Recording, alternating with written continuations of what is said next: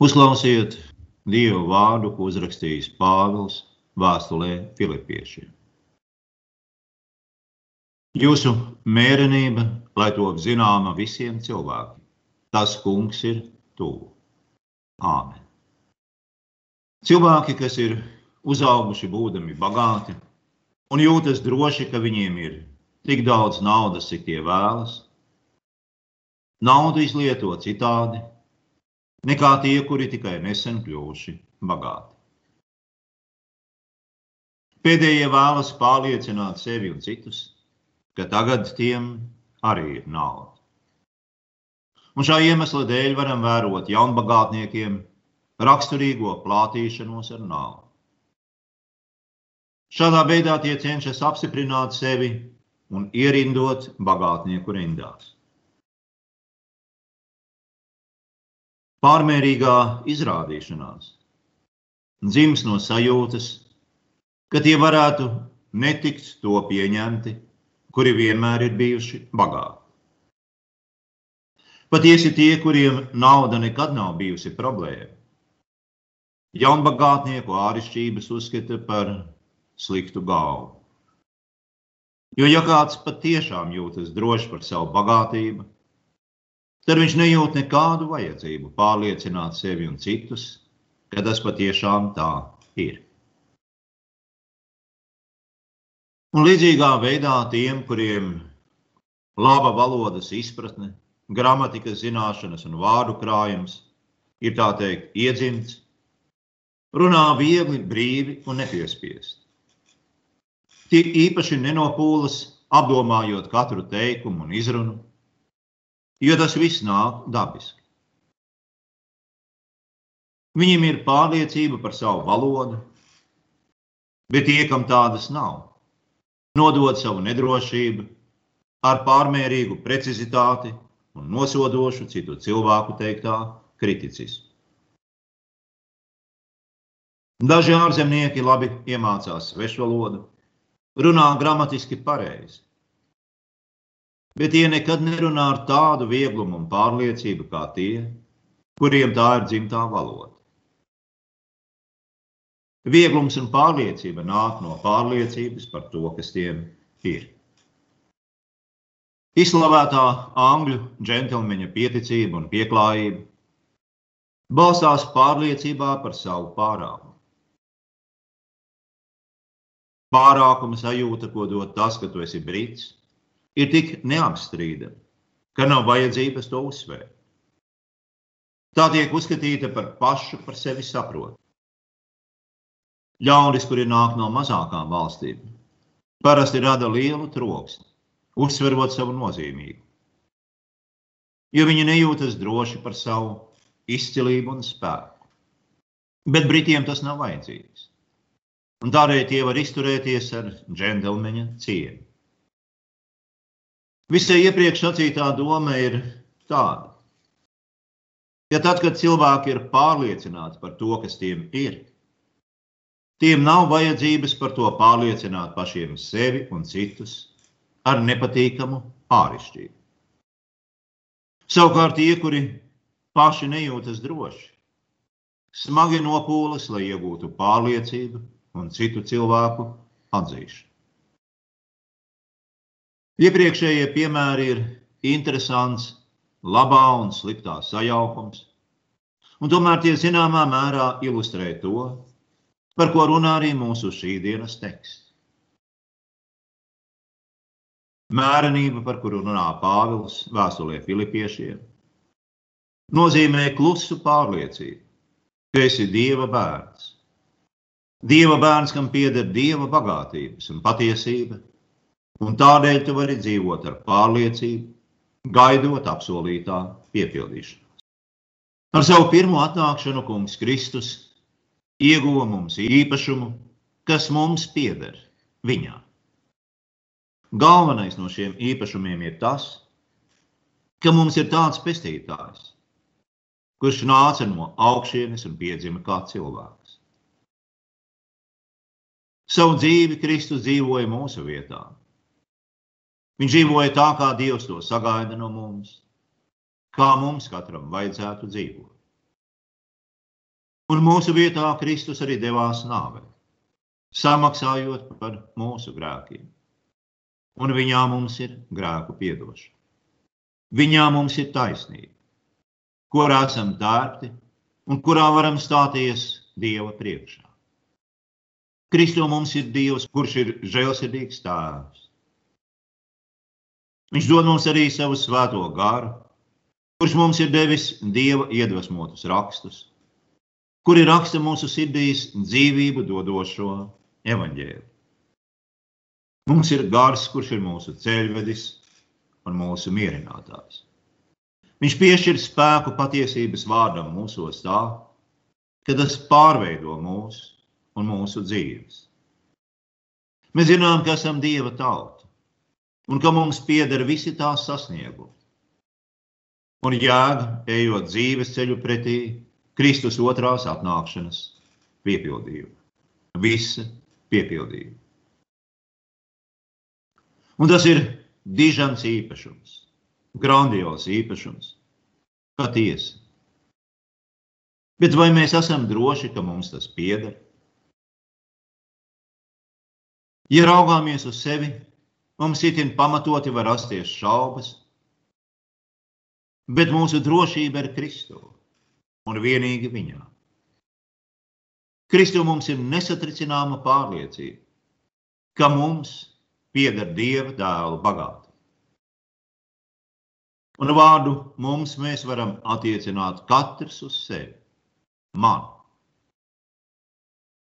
Šī dienas teksts aicina mūs izdzīvot šo pārliecību par Dieva bērniem piederošo bagātību.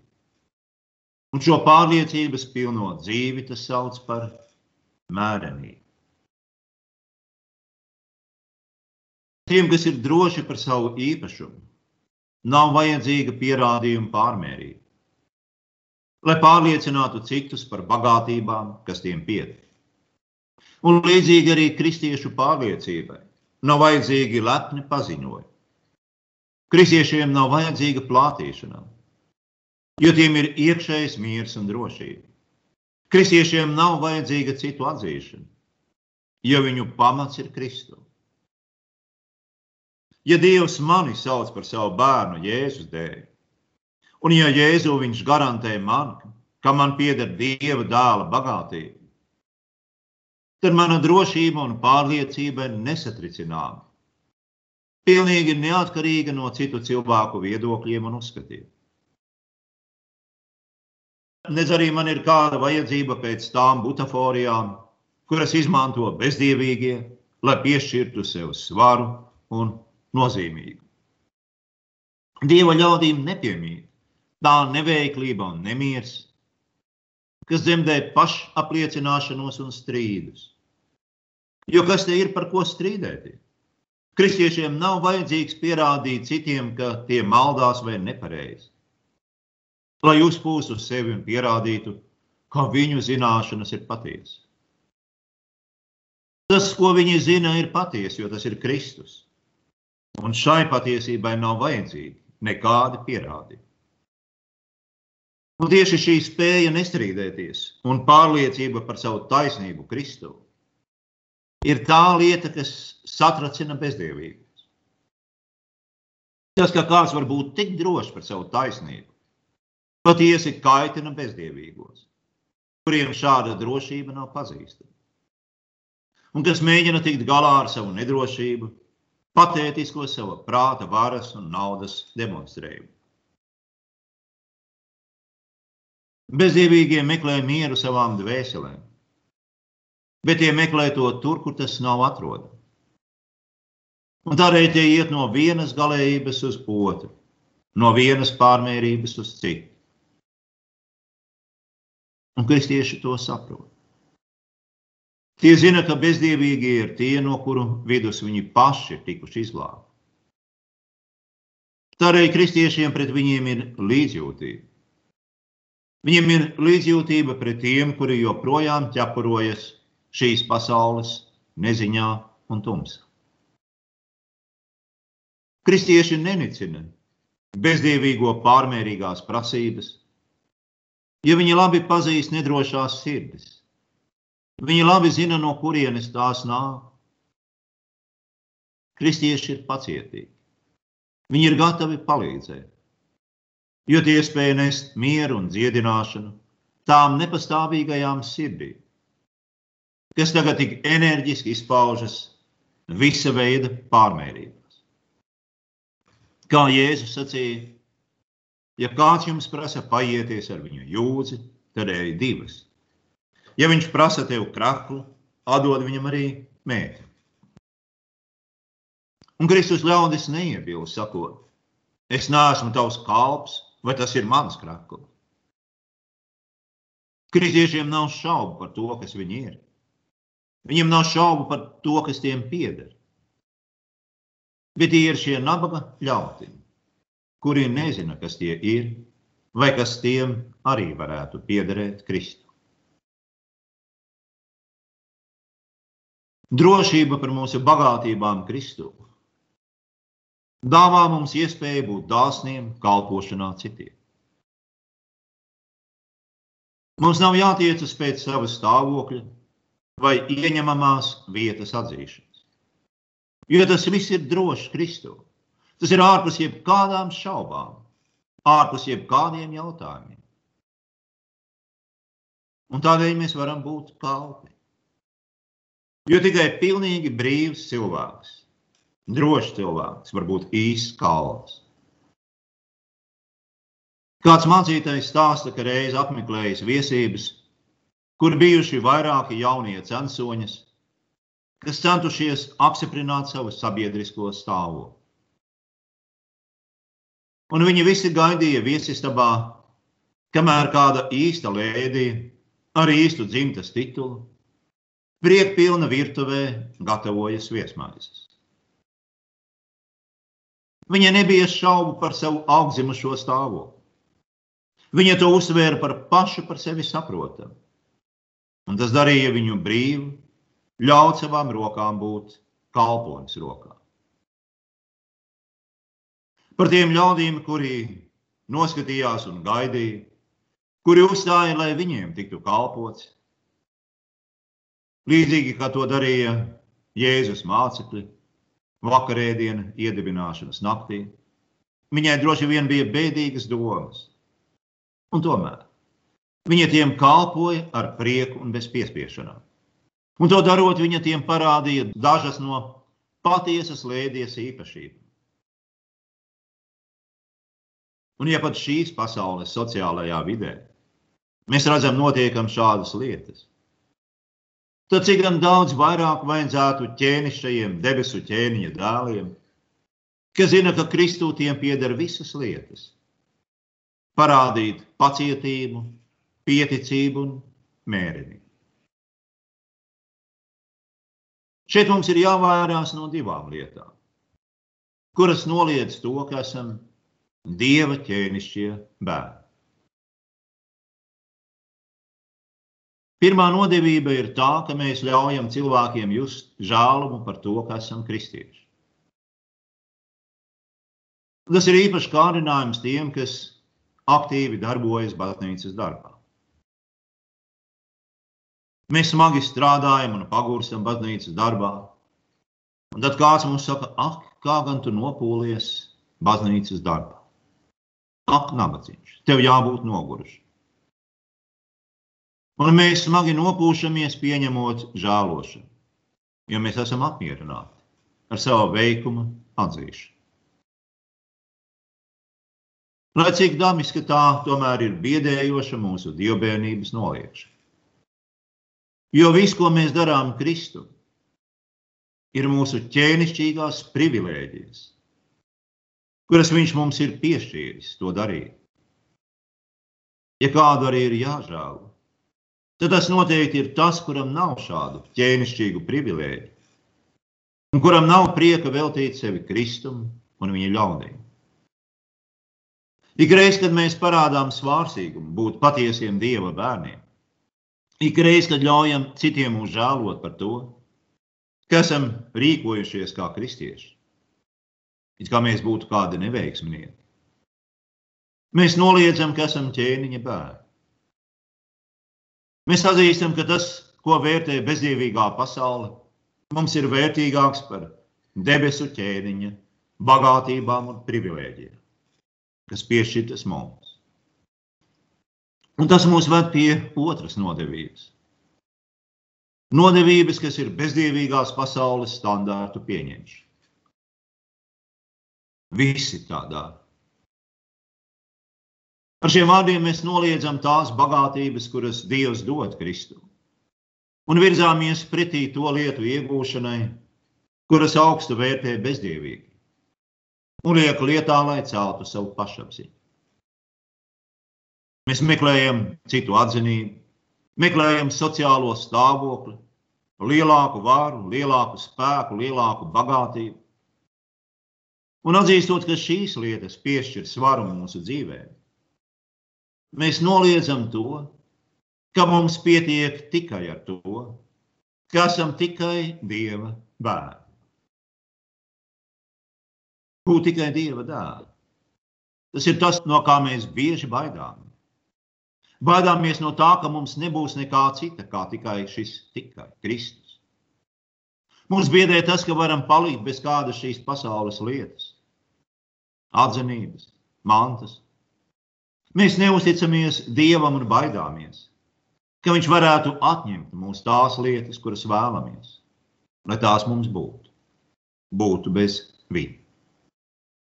Un tas ir tieši tas, kas slēpjas aiz mūsu dedzīgo ilgu trūkumu saistībā ar viņa otru atnākšanu. Tas ir tas, kādēļ mēs no sirds negaidām tā kunga nākšanu. Mēs varam izrādīties zaudētāji, palaist garām no kaut ko no tām iespējām, ko dod šī pasaule. Un tādēļ mēs īsti neusticamies Dievam. Es saku mēs, jo tas ir raksturīgs visiem cilvēkiem. Tas ir raksturīgs cilvēka dabai. Bet šāda neusticība nav nekas mazāks par nodevību. Tā ir nodevība, kas apvaino Dievu un noliedz mūsu ķēnišķo stāvokli, ko Dievs mums piešķīris svētajā kristībā. Un ķēniņš ar to nesamierināsies. Jums nevar viena kāja būt Kristus valstībā, un otra kāja šīs pasaules valstībā. Kristus aicina, sauc mūs laukā no šīs pasaules valstības uz savu valstību. Un tur savā valstībā viņš mums dāvā ne tikai pilsonību, ne tikai piedarību, bet arī dēla status, bērna status. Mēs esam darīti par dieva bērniem. Un kā dieva bērniem mums ir vēl brīdi jāpavada šajā pasaulē. Mēs esam šajā pasaulē. Bet mēs neesam no šīs pasaules.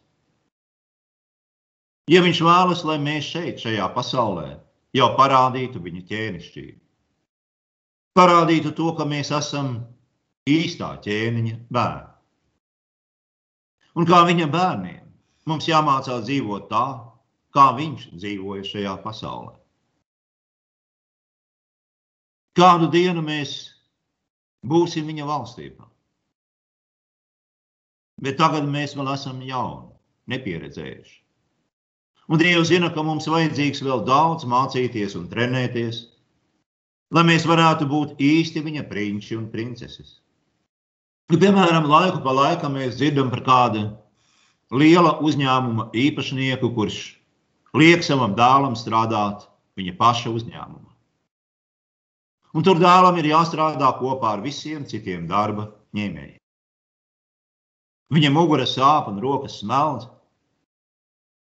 Bet viņa tēvs zina, ka dēls būs vairāk noderīgs uzņēmumam tad, ja būs gājis tam visam cauri, pirms pats kļūs par uzņēmuma īpašnieku. Un līdzīgā veidā Dievs mums liek mācīties un trenēties šajā pasaulē, šeit. Un dažreiz mūsu sirdis smelts un rokas ir tulznās, Bet Dievs zina, ka tas darīs mūs derīgākus viņa valstībā, mūžībā. Tā ir viena lietas puse. Otra lieta ir dēla attieksme. Kamēr viņš strādā rūpnīcā, viņš uz savu darbu neraugās kā uz smagu vergošanu, lai tikai saņemtu algu nedēļas beigās vai mēneša beigās, kā nu kurā vietā. Savu darbu viņš rada saistībā ar savu tēvu un arī pats ar savu nākotni. Viņš zina, ka reiz pats vadīs uzņēmumu, un tādēļ viņam nav vajadzības radīt lielu troksni citu strādnieku vidū, lai nostiprinātu savu stāvokli, savu rangu, savu svarību. Viņš par to ir drošs, pilnīgi drošs un pārliecināts, un viņš turpina strādāt. Un tādā pašā veidā, ja mēs esam ķēniņa bērni, mums nav vajadzības pēc lielas trokšņainas pašapliecināšanās, un nav vajadzības pēc savu stāvokļa apliecināšanas. Tas, kas mēs esam, to, kas mēs esam, to nosaka mūsu attiecības ar ķēniņu. Un ķēniņš saka, jūs esat mani bērni, un jūs esat mani mantinieki. Un tā mūsu spēks ir klusumā, mierā un pārliecībā, jo mūsu spēks un drošība ir Kristus. Tādēļ nav arī pārmērība sevis apliecināšanā. Nedz arī cīņas pēc šīs pasaules dārgumiem, lai atklātu savas sirds nedrošību. Nedz arī šeit ir pārmērības nabadzība pārspīlētā nabadzībā, meklējot citu cilvēku žēlumu pret sevi. Bet mums vienkārši, kā Pāvils saka, ir mērenība pret visu. Mums ir to ļaužu mērenība, kas ir pārliecināti par savu dievbijību Kristus dēļ. Mums ir pacietība un dāsnums, kā tādiem, kuri dzīvo no dieva resursiem. Nevis no saviem. Mēs priekpilni pieņemam to, ko Kristus vēlas, lai mēs zinātu. Ja mēs zinām tā visa jēgu, mērķi un saturu. Mierīga sāpju panešana, kas nepazīst neko no asarainās, sentimentālās sistas suņa attieksmes pret debesīm,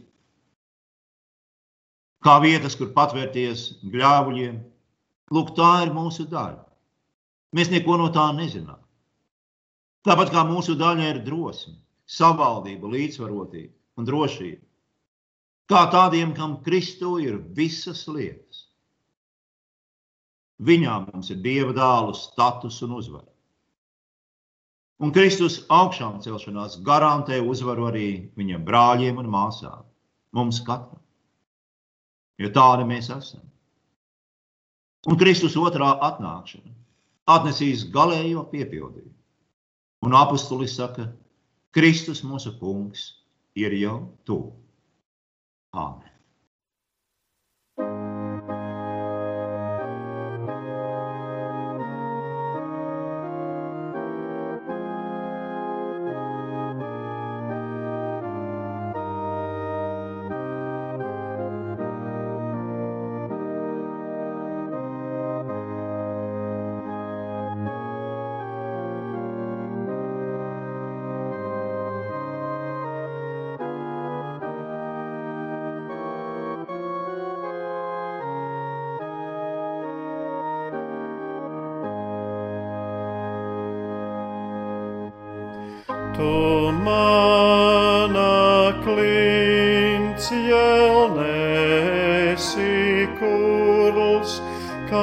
Piesaucu,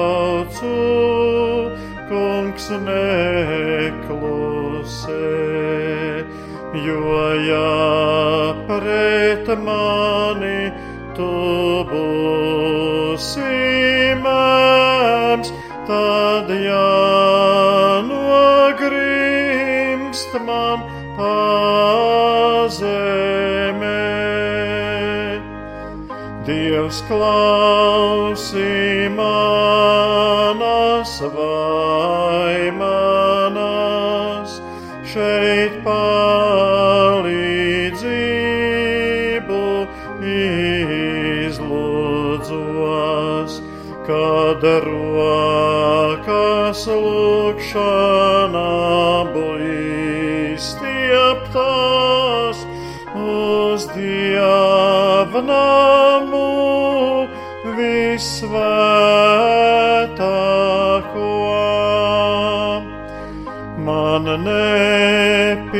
neskaiti ļaundarījām, kas liekuļo pret tuvākajām pēc viņu darbiem darītiem un atmaksā pēc nopelnījām.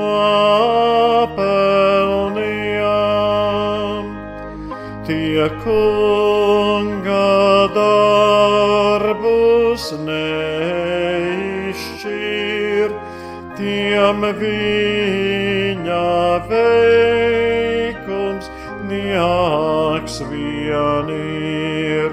Dievs nāks tam dēļ un nopostīs, ka nekas pāri